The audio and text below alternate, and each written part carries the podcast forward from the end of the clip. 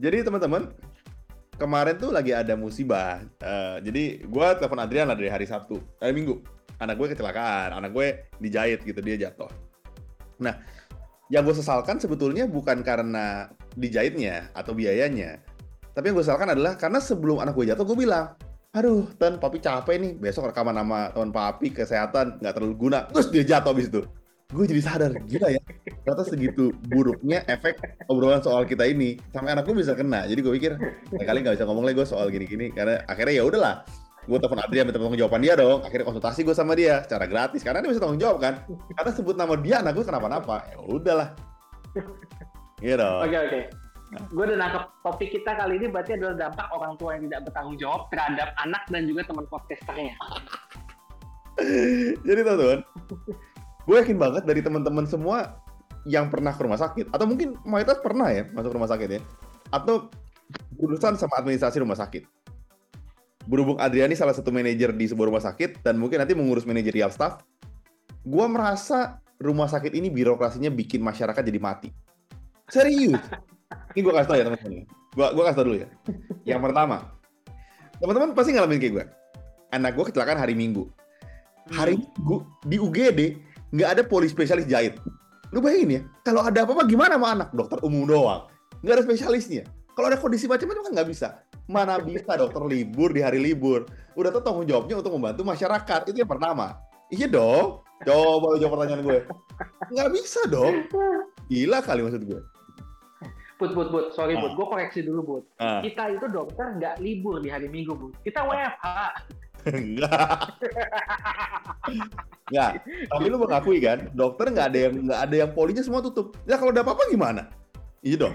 Wah gila okay. lu gak bener. Wah kacau lu. Wah gak bisa. Betul. Nah. nah, gini gini. Jadi ini gue bicara kondisi ideal dulu ya. Nah. Kondisi ideal. Nah, kalau namanya penyakit itu, pokoknya kan kita bagi itu pasti tahu deh. Kalau misalnya penyakit itu kita bagi jadi ini kasusnya gawat, darurat, ya, hmm. atau uh, bisa ditunda. Nah, okay.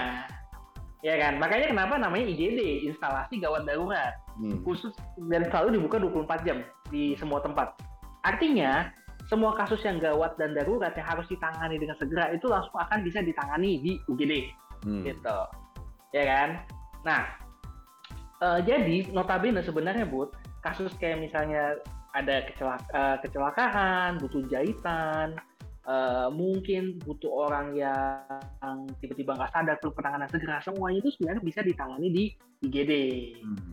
Nah ini adalah kondisi yang uh, ideal gitu. Hmm. Dalam arti setelah ditangani di UGD penanganan lanjutannya berarti kan nggak nggak nggak urgent ya. Dalam arti masih langsung mendapatkan perawatan lain pada saat itu kan enggak gitu karena mereka udah mendapatkan perawatan utamanya di UGD.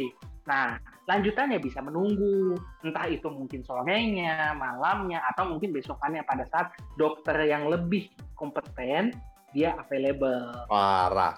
Berarti dokter nah. lebih kompeten itu sengaja nggak mau menolong manusia di hari libur, di hari weekend kan? Wah lu gila. Lu gila. Dia membiarkan orang-orang meninggal di hari weekend gitu kan? Oh terlalu. Gak juga. Karena gini bu, masalahnya. Karena karena dokter juga kan manusia. Mereka hmm. juga butuh libur gitu. Gak mungkin lu minta dokter, apalagi uh, lu bukan tim ya, apalagi bukan tim. Lu minta dokter, dokternya nama, misal A gitu. Misal gue deh, gue gitu lu minta gue standby tuh 24 jam, 7 hari seminggu jelas nggak mungkin. Kenapa? Lu nggak mampu bayar gue, gitu. Oh. bayar gue nggak mau, lu nggak mampu, wow. gitu. Berarti lu matre ya? Wah parah. Stigma dokter nggak bener ya. nah, nah, tapi biasanya dari rumah sakit itu sendiri dia punya sistem kayak rotasi, Bud. Hmm. Jadi kita itu bergantian jaga. Nah, seandainya nih tim yang di UGD kesulitan, nggak mampu. Nah, mereka tuh tetap punya uh, dokter yang harusnya namanya itu standby bisa bisa on call on call artinya dia siap ditelepon kapan aja on call nah atau bisa juga dia stay di rumah sakitnya hmm. bergantian jaga gitu jadi misalnya minggu ini uh, di hari minggu gue harus standby di rumah sakit hmm. nah kalau misalnya ada kasus apa apa yang butuh bantuan gue gue standby tapi minggu depan gue libur teman gue yang gantiin dengan kompetensi yang sama gitu. Ya. Nah sebenarnya setiap rumah sakit itu kan bikin sistemnya kayak gitu. Loh, tapi kan itu kalau kompetensi sama. Lah kalau lu yang nggak kompeten kan nggak ada yang ganti dong. Orang semua kompetensi lu nggak kompeten kan lu nggak bisa berarti. Berarti kan lu tidak tergantikan maksud gue. Semua dokter kompeten, kompeten lu nggak kan nggak bisa dong. Lu nggak bisa ngomong gitu dong. Nah, iya. Justru karena gue nggak kompeten, siapa aja bisa gantiin gue gitu. ya, tapi gini, kita harus, doang. Ya, gini, gini, gini. Tapi harus fair dong. Kalau ibu melahirkan secara normal, kan nggak bisa nunggu besok. Logis dong. Nah, itu Bud. Makanya gue bilang kita mesti bagi kasusnya itu gawat darurat atau enggak gitu. Nah, kalau misal untuk kondisi ibu hamil, itu enggak gawat. Tapi darurat, butuh hmm. cepat ya kan? Nah, ditanganinya dulu pertama-tama di UGD. Dari UGD itu biasanya dokter jaganya itu akan mengecek dulu untuk melaporkan selanjutnya ke dokter kandungannya. Dok, ini kondisi persalinan ini ternyata udah uh, udah lengkap nih pembukaan. Wah, udah nggak bisa tunda lagi. Dok, ayo cepetan datang ke sini. Nah, dokternya yang sistem bayi ini atau yang on call ini pasti harus langsung datang ke rumah sakit. Hmm. Gitu. Nah, kembali lagi sekarang kita uh, melihatnya per kasus nih, kasus anak lu. Kasus anak lu itu kan sebenarnya luka. Jadi uh, memang ada luka mesti dijahit gitu tapi kondisinya itu kan kita nggak bilang gawat, kita nggak bilang darurat. Oh, darurat itu. Oh, nggak bener loh. Itu darah di mana-mana. Itu gawat darurat itu kondisinya. Dan harus dijahit sama dokter space bedah plastik sesegera mungkin. Kalau enggak, nanti wajah tampan ayahnya nggak turun ke anaknya gimana? Lu mau tanggung jawab? Nah, makanya itu gue bilang kesalahan itu bukan pada dokter atau tim medisnya, tapi pada bapaknya. Kenapa bisa kejadian gitu?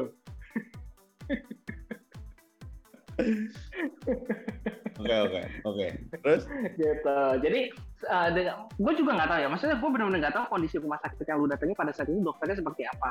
Hmm. Tapi kebanyakan dokter yang gue tahu kalau misalnya ternyata dia on call, ya dia menganggap kasusnya itu ternyata nggak berat nih gitu. Hmm. Ya udahlah, uh, tanganin dulu aja berikan penanganan pertama dari UGD, datengin pasiennya besok di sana. Kenapa? Satu, bisa jadi mungkin dokternya sendiri juga punya uh, kasus lain ya. Jadi dia kan harus milih-milih. Nggak mungkin. Pasti berlibur sama keluarganya dia.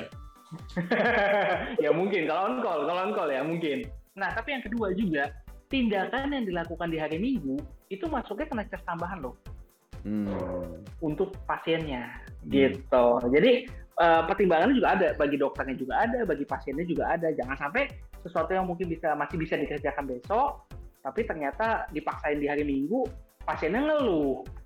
Pak, eh, dok, kok saya kena cas tambahan dan cas itu biasanya lumayan gede loh. Bisa uh, mungkin bisa sekitar 20% dari harga normal. Wah, gila juga ya. nah, ya. Nah, makanya dan nggak semua orang mau karena itu. Nah, Jadi berarti itu dokter kita memilah-milah kasusnya. Jadi dokternya matre tuh. Kan dia nggak mau nolong orang, dia harus kena cas tambahan. Wah, nggak bener loh. Wah, wah, gini bener nih. Wah, kacau. Eh, cas, cas tambahan itu ya nggak cuma dikenakan, eh bukan dokternya yang mengenakan, tapi rumah sakitnya. Hmm. Gitu. Kenapa? Karena pertimbangannya adalah gini, Bud. Kalau misalnya kita di hari Minggu, oke okay lah. Uh, katakanlah misalnya dokternya gue, ya. Hmm. Gue datang mau nolongin lu gitu. Enggak enggak, yang mau gue tolongin anak lu gitu. gue tinggal lihat muka lu, gue lihat istri lu, gue lihat anak lu gitu. Gue mau nolongin mereka gitu. Nah, tapi gue kan nggak bekerja sendirian. Di hmm. sana itu misalnya gue mau melakukan tindakan operasi, berarti gue harus menyewa uh, pasiennya harus menyewa ruangan operasi. Hmm. Harus ada tim operasi perawat bedahnya, perawat anestesinya, ada anestesinya. Lalu tindakan itu menggunakan alat yang harus disterilin lagi. Hmm. Nah, sterilisasinya juga kan menggunakan uh, sumber daya juga gitu. Nah, dari situlah semua pertimbangannya kenapa dari rumah sakit biasanya memperlakukan tes yang lebih tinggi di hari libur. Dan nah, tindakan itu tidak standby kan? Uh, uh, di keep hanya benar-benar untuk tindakan yang gawat dan darurat. Hmm. Atau kalau memang pasiennya udah setuju, nggak apa-apa saya kena tes tambahan, ya udah kita jalani. Gitu. Dan kalau itu nggak mungkin lu yang datang, lu kan nggak kompeten, nggak mungkin operasi lu. Itu udah pasti nggak mungkin skemanya. Jadi nggak mungkin ada. Itu gua ngerti lah. Oke. Okay. iya udah bener dong. Jadi gini, teman-teman, ini gue langsung cerita pengalaman gue aja. Anak gue masuk UGD, kemudian melakukan tindakan kan. Jadi setelah diberesin, ngurus administrasi, terus dia bilang, Pak harus dijahit. Terus gue bilang, maaf dok, saya nggak percaya rumah sakit ini. Saya pindah rumah sakit. Gue bilang gitu administrasinya gue pindah itu. Nah, kan? Gue pindah ke rumah sakit lain kan? Nah. gimana gak diracunin coba bapaknya kayak gini? Nah teman-teman gue yakin pasti dari kalian juga punya banyak kasus kalian nggak percaya. Misalnya kalian jatuh di lokasi A. Kalian bilang mesti dioperasi nih. Kalian pasti kan pindah ke tempat yang kalian yakin gitu. Ke yang kalian sering kontrol atau dokter siapa yang kalian kenal biasa kan gitu ya Nah, hmm. kalau itu salahnya gue nggak kenal dokter siapa-siapa kecuali Adrian, terpaksa gue telepon dia. Itu salah gue. kalau gue kenal lain itu nggak telepon dia. Nggak salah gue. Jadi ya udahlah, boleh buat. Buat Nah. Buat yang belum kenal Budi, berarti itu pujian gitu kan. Dia sebenarnya percaya sama gue, cuma malu aja buat ngakuin. gue akhirnya pindah ke rumah sakit lain yang yang gue lebih familiar lah.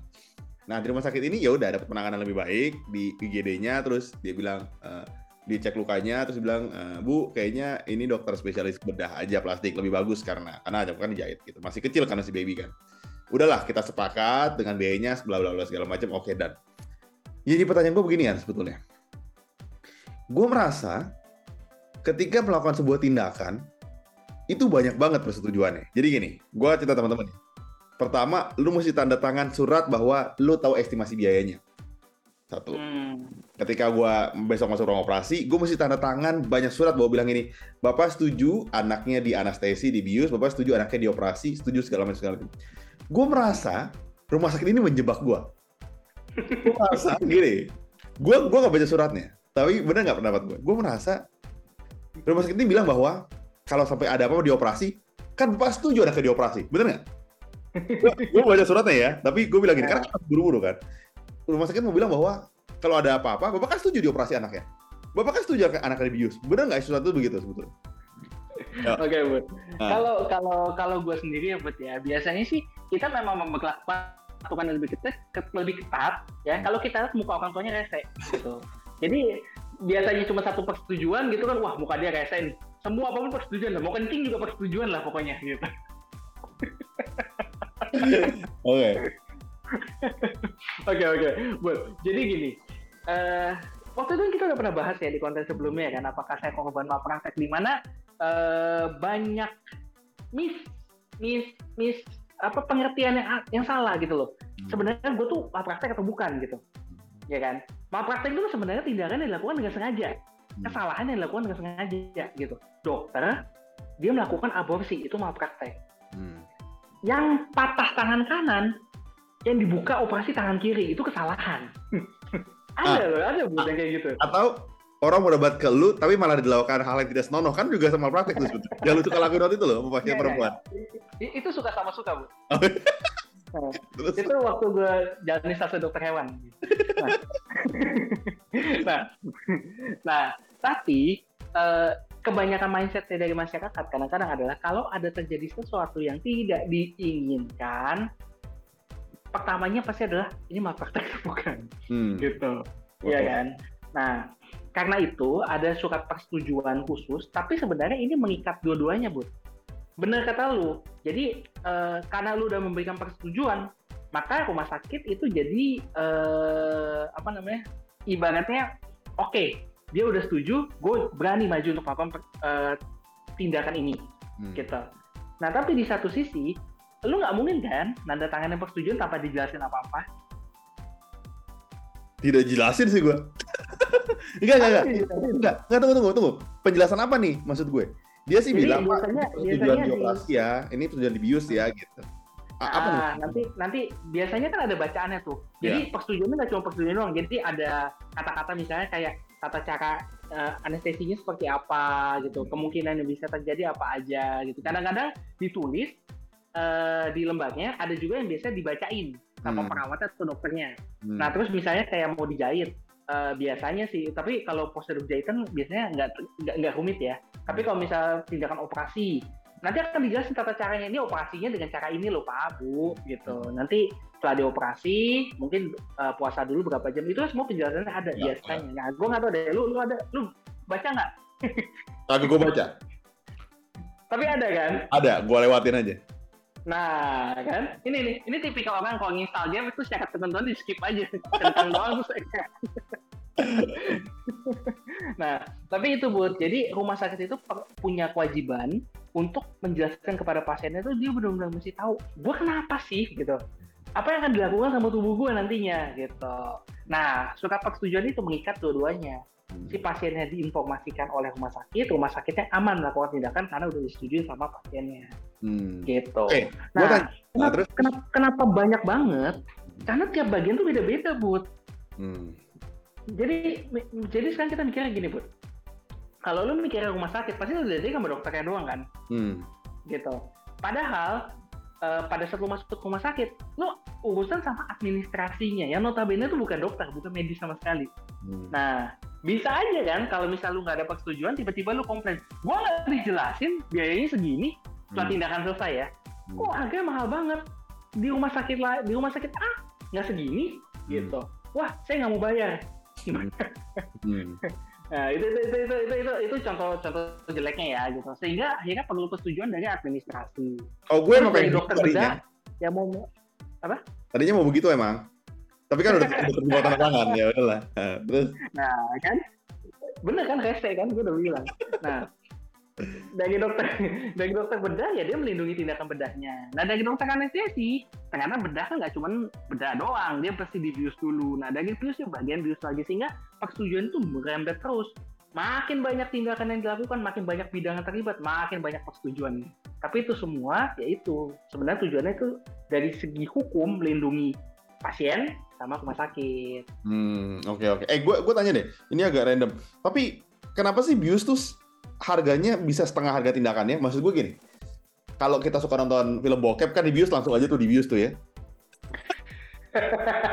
kan oke gitu ya kalau ini kan kan, kan Adrian suka ngasih gue referensi jadi gue tahu kan dia suka ngasih ngasih jadi gue tahu maksud gue kenapa kalau bius itu beda sama produksi murah emang begitu sih gue gak detail ya, atau kasih obat tidur. Maksud gue kenapa bius itu harus spesifik, harganya mahal juga. Bisa setengah harga tindakan dokter operasinya gitu. Apa yang membedakan bius begitu spesial? Karena sekolahnya mahal, Bu. I see. Sebetulnya kan pakai obat tidur juga bisa kan sebenarnya. Jangan-jangan pakai obat batuk yang bisa bikin batuk juga bisa tuh sebenarnya. Kan langsung atau lebih minum kan? Wah nggak betul. Wah di podcast nggak betul. Iya Karena anestesi. Karena dokter anestesi itu resikonya yang tinggi bu. Hmm. Jadi orang selalu mikir kan kalau gue dibius kan berarti gue cuma tidur udah hmm. gitu kan gue nggak tahu apa apa pas gue bangun tidak akan udah selesai gitu yeah. mereka nggak tahu pada saat dibius itu um, nama istilah medis itu hemodinamik. Hemodinamik itu jadi kestabilan tubuh kita itu terganggu semua. Jadi hmm. efek sampai obat bius itu banyak food. Hmm. E, bisa nurunin tekanan darah, bisa bikin depresi napas. Dalam arti kita jadi nggak napas karena tidurnya terlalu dalam. Hmm. Nah, si dokter anestesi itu bertanggung jawab mengatur obatnya.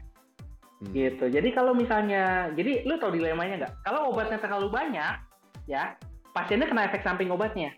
Hmm kalau obatnya terlalu ringan, hmm. anestesinya kurang, pasiennya bangun di tengah operasi. Go how? Oke. Okay. Uh, gitu. Jadi dia dia mesti menjaga bagaimana uh, obat itu bisa berimbang. Nah, kalau misal pada kondisi anak, kondisi dewasa muda macam-macam kayak kita, sebenarnya ini nggak terlalu nggak terlalu bermasalah ya, karena kita ini sehat, bagus, daya tahan tubuh kita bagus. Lu kebayang nggak orang yang dengan penyakit jantung misalnya? Nah, hmm. di anestesi, ya kan? Dia minum obat-obatan jantung biar tekanan darahnya nggak rendah. Dikasih obat plus tekanan darahnya rendah. Dinaikin tekanan darahnya jantungnya nggak kuat. Nah, pusing kan?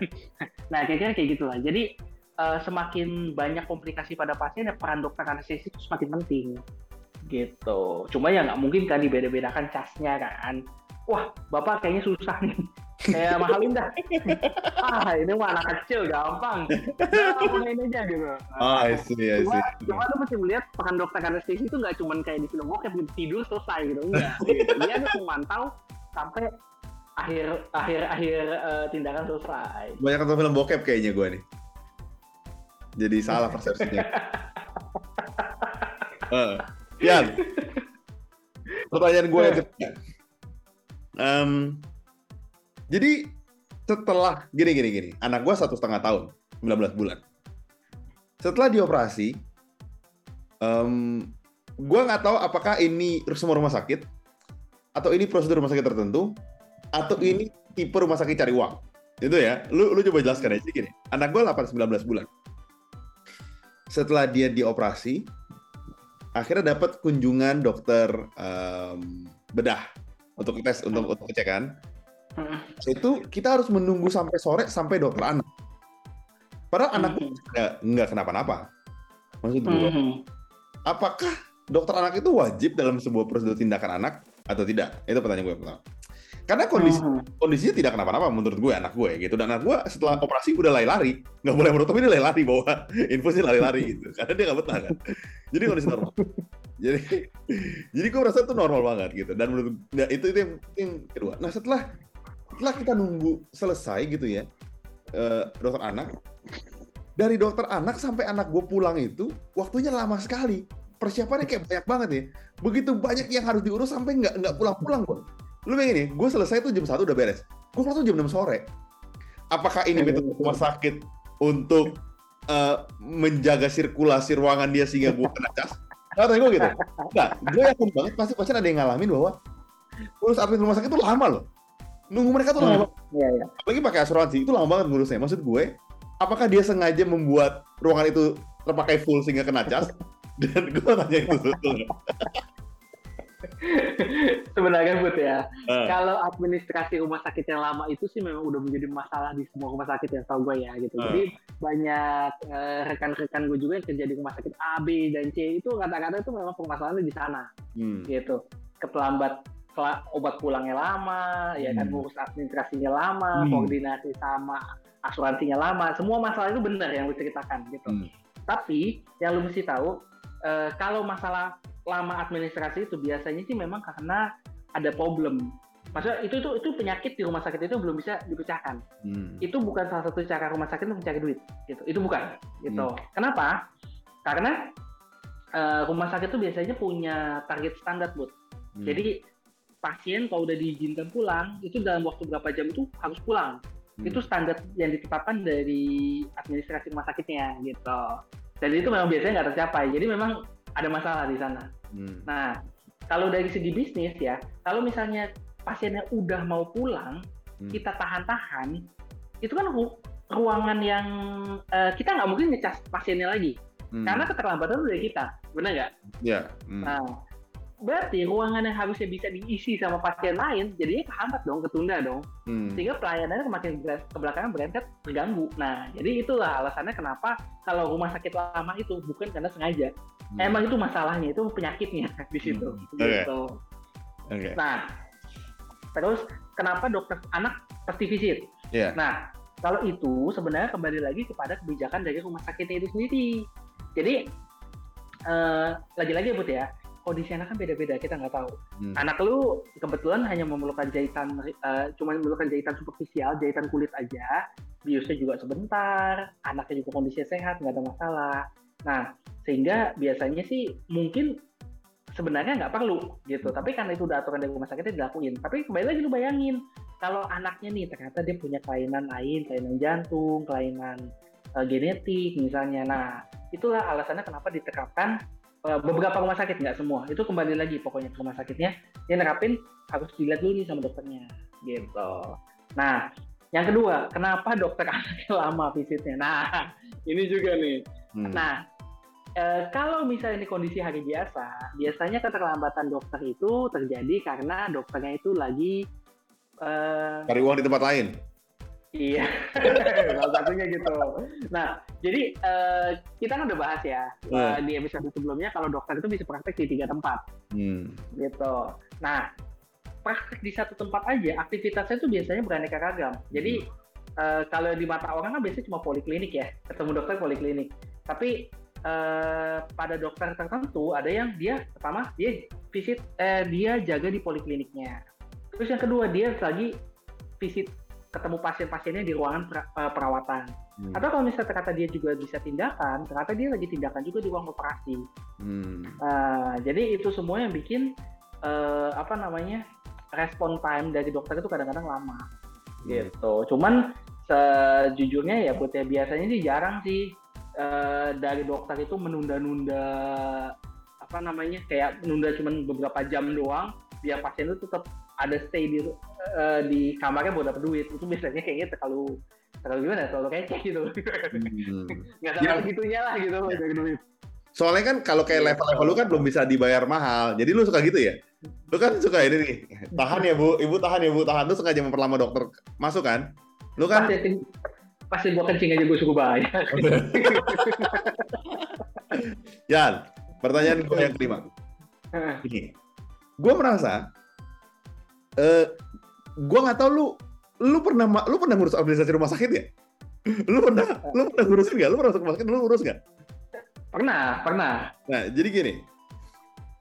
Uh, jadi gue merasa rumah sakit itu sengaja membuat berlapis-lapis pembayarannya. Contoh gini, hmm. lu kan di administrasi ya, jadi lu pasti ngebayangin.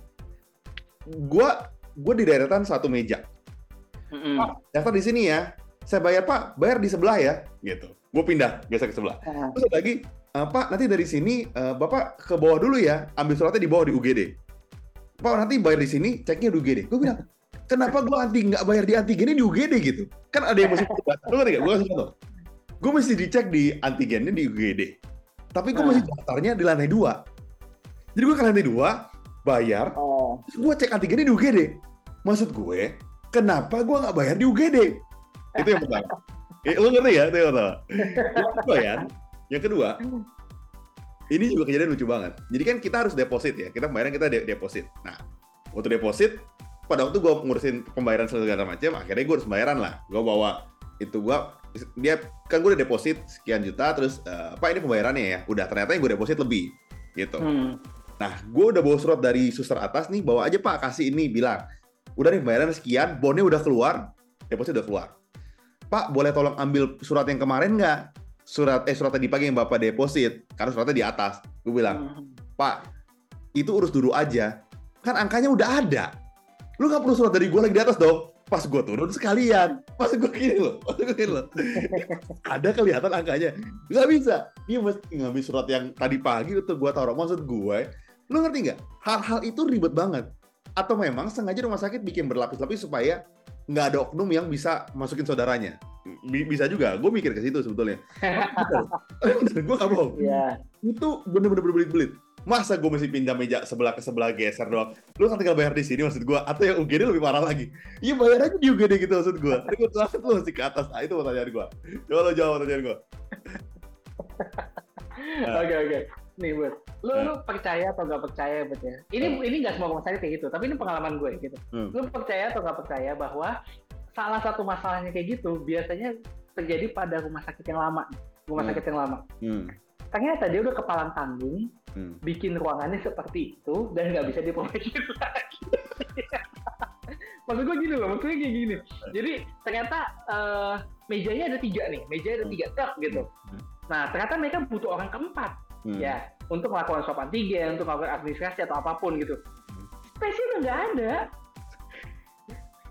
Sehingga akhirnya orang keempat itu terpaksa dipindah di tempat lain. Dan itu yang bikin pasiennya itu mundar mandir. Semakin banyak uh, apa namanya proses yang ditambah makin panjang aja untuk, untuk antriannya. Jadi gue pernah ketemu di rumah sakit ya Bu ya antrian untuk bayar UGD antrian untuk bayar poliklinik antrian untuk bayar pemeriksaan penunjang. Hmm. kayak concern lab itu semua beda-beda. Beda lantai semua. Oke. Okay gitu. Jadi jadi uh, sebenarnya penyebabnya banyak sih gue tahu ya. Nggak mungkin cuma itu doang. Ada juga memang uh, rumah sakit yang memperlakukan bahwa bagian ini ya di bawah ini. Hmm. bagian itu ya di bawah itu. Sehingga mereka nggak bisa posisinya itu digabung. Karena hmm. kalau digabung nantinya pekerjaannya akan jadi uh, apa namanya kayak campur campur campur aduk gitu loh. Gitu. Tapi ya itu benar sih buat ya, kata-kata kalau kata-kata sekarang rumah sakit yang baru dibangun hmm. dengan perencanaan lebih bagus itu udah jarang kayak gitu. Hmm. karena mereka udah nempatin uh, stasiun-stasiunnya juga. Jadi pokoknya alurnya udah bagus udah rapi pasien biasanya jarang banget perlu bolak-balik. Atau kalau di rumah sakit yang menengah ke atas pasiennya diem tapi ada orang yang nganterin. Oh sih iya iya. Gitu. berarti lu bilang dong rumah sakit gua menengah ke bawah kan tadi kan keterlaluan. Wah betul. Wah kan kan kan dicontoh nah, nah. nah kalau rumah sakit bagus tuh biasanya dia udah nyempat bikin alurnya bagus jadi dia udah tahu nih penempatannya sini sini sini sini jadi pasti nggak bolak balik tapi tunggu aja 10 tahun lagi begitu alur birokrasi berubah. Mereka juga akan sama gitu. Oh, oke oke oke oke. Pertanyaannya lumayan terjawab sebetulnya tapi gue tetap nggak bisa menerima ketika kenapa pastilah dengan gue selalu menjawab nah harusnya dokter tuh standby. Nggak bisa. Demi demi pasien dia harus standby dia sebetulnya sampai minggu. Iya dong. Tapi tapi kita memahami lah. Maksudnya kan semua orang pasti punya kegiatan masing-masing ya. Cuman kadang-kadang memang hmm. di dalam kondisi gawat darurat kita merasa semuanya tuh gawat darurat gitu. Tapi bener. Yeah. Kalau setelah gue lihat ya memang pas dokter ke anak gue mungkin anak gue nggak kondisi kritis gimana gimana tapi kan orang yang lihat kondisi itu merasa semua kondisi dia kritis gitu. Apalagi hmm. dia teman gue gue telepon secara gratis ini tidak berikan informasi secara jelas gitu. Jadi kan gue lebih panik lagi kan. Udah. Maksudnya udah syukur gue aja bikin podcast. Ini tapi tetap nggak berikan respon yang baik ya apa boleh? Jadi kan gue makin sebenarnya bu pada ya. kasus lu yang darurat mesti diganti itu bapaknya. Sebenarnya ya jahitannya sih nggak apa-apa gitu. Jahitannya dijahit kelar gitu bapak ini jadi faktor risiko sampai ke depannya itu ya. Oke, ya ada tambahan lagi nggak soal administrasi rumah sakit yang harusnya kita tahu supaya nggak terjadi masalah di ke depannya? Yang sebenarnya sih, sebenarnya sih uh, semua yang dilakukan rumah sakit itu pasti ada alasannya sih, hmm. ya. Itu bahkan sesuatu yang bahkan uh, kalau mungkin orang luar rumah sakit itu juga nggak akan tahu gitu. Gua aja mungkin nggak bisa jawab. Kenapa? Administrasi di rumah sakit A harus seperti itu misalnya hmm. gitu. Jadi memang masing-masing ada alasannya itu sendiri tetap diikutin aja. Cuman ya tetap kalau menurut gue sih ini ya kita menjadi pribadi yang kritis ya tapi bukan pribadi yang suka komplain gitu. Ibaratnya kayak ya kita ikutin dulu kita ikutin dulu alurnya seperti apa sambil kita mengecek yang dilakukan sama rumah sakit ini kira-kira benar nggak sih? Sesuai nggak sih? Gitu. Sebenarnya yang Budi kan dia dia dia dia dia uh, mendapat penanganan seperti ini dia cross check kebetulan dia cross check sama gue gitu. Nah akhirnya dia juga paham sendiri bahwa memang seperti itulah rumah sakit gitu. Karena banyak sebagian orang awam tuh merasa kadang-kadang kalau datang rumah sakit gue dipersulit. Apa karena gue pakai BPJS ya? Nah itu kan jadi pertanyaan lagi kan. Padahal sebenarnya nggak juga gitu. Setiap mau itu dia bayar dengan uang pribadi, mau itu dengan asuransi, biasanya memang dia punya protap dan tata cara alurnya itu sendiri gitu. Jadi kita datang dengan positif aja, berikan trust untuk tenaga medis dan juga rumah sakitnya, sambil ya itu sih paling kita kalau memang dibutuhkan cari second opinion gitu. Hmm. Jadi teman-teman seperti tadi Adrian udah bilang, nanti gue kasih nomor Adrian di sini supaya kalian bisa cross check juga. Iya tadi kalian bilang gitu. Jadi gue kasih nomor Adrian di sini, dan kalian bisa merasakan kebahagiaan yang gue rasakan. Tentu kita nanti akan berbagi sama teman-teman yang lain kan. Nanti tenang aja ya. Nanti gue tulis di sini. Jadi tenang aja, gitu ya. Oke. Jadi sampai ketemu di episode selanjutnya kita akan selalu tayang di hari Rabu membahas semua eh, masalah-masalah medis dan juga masalah-masalah viral tentunya terkait medis. Nah, kalau misalnya ada kritik, komen, saran, apa pun pertanyaan boleh tinggalin aja di kolom komentar nanti akan kita jawab. Jadi sampai ketemu di episode selanjutnya. Stay healthy. And stay alive. Bye-bye. Bye.